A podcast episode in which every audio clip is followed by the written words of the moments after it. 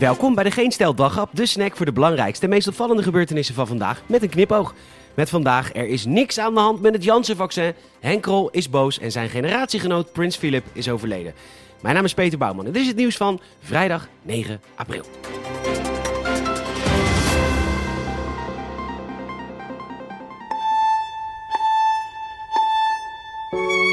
Aan de hoofdredacteur van De Telegraaf. Geachte heer Jansen, lieve Paul.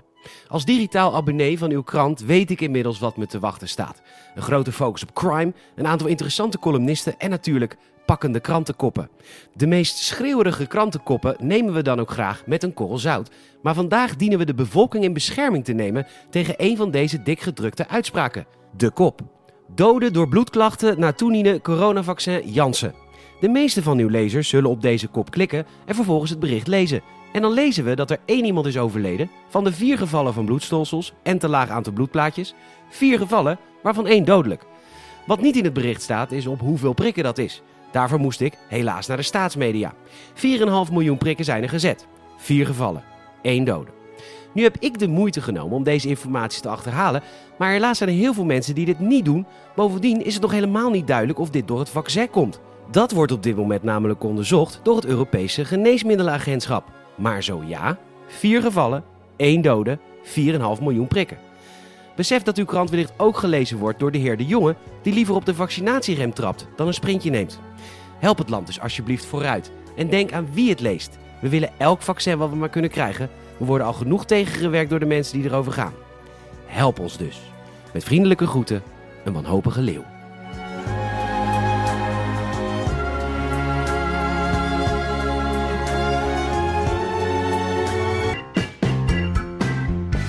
Henk Krol is boos. Hij zit niet meer in de politiek. Hij heeft zelfs tijd om te trouwen. Maar druk maken kan hij zich nog wel. De reden zijn de 65.000 briefstemmen van 70-plussers die ongeldig zijn verklaard. Ongeveer genoeg voor één zetel, dat meldt de NOS.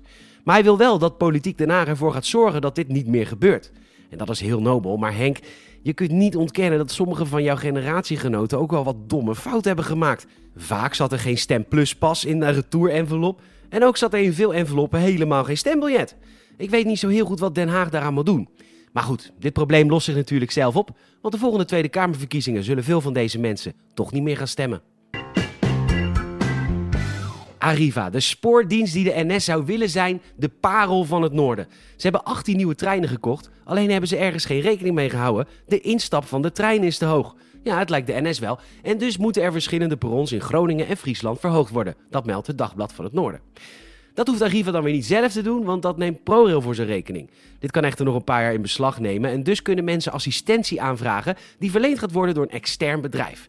Dit is gratis, maar dient wel drie uur van tevoren aangevraagd te worden. Maar heel eerlijk, een persoonlijke hulp bij het instappen, dat is pas reizen.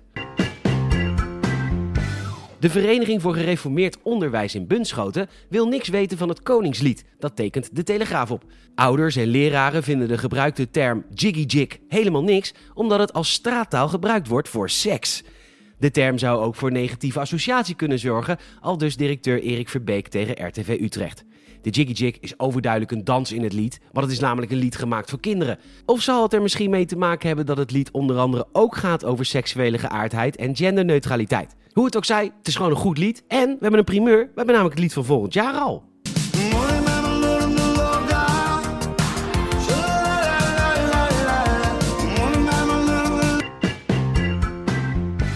Het was toch een beetje de prins Bernard van het Britse koningshuis. Ook een beetje ondeugend, ook een beetje racistisch, ook een beetje gecharmeerd door andere vrouwen. Anders dan prins Bernard zette prins Philip zich altijd volledig in voor de firm, zoals het Britse koningshuis ook al wordt genoemd. En hij was als een van de weinige leden van het koninklijk huis echt lief voor prinses Diana. Nou ja, je kon er vandaag niet omheen en heel eerlijk, het is een behoorlijke spoiler alert voor The Crown, want prins Philip zal dus doodgaan op 99-jarige leeftijd. Bedankt voor het luisteren. Je zou ons enorm helpen als je een vriend of vriendin vertelt over deze podcast. En ook een Apple Podcast review zouden we enorm waarderen. Maak er een heel erg mooi weekend van.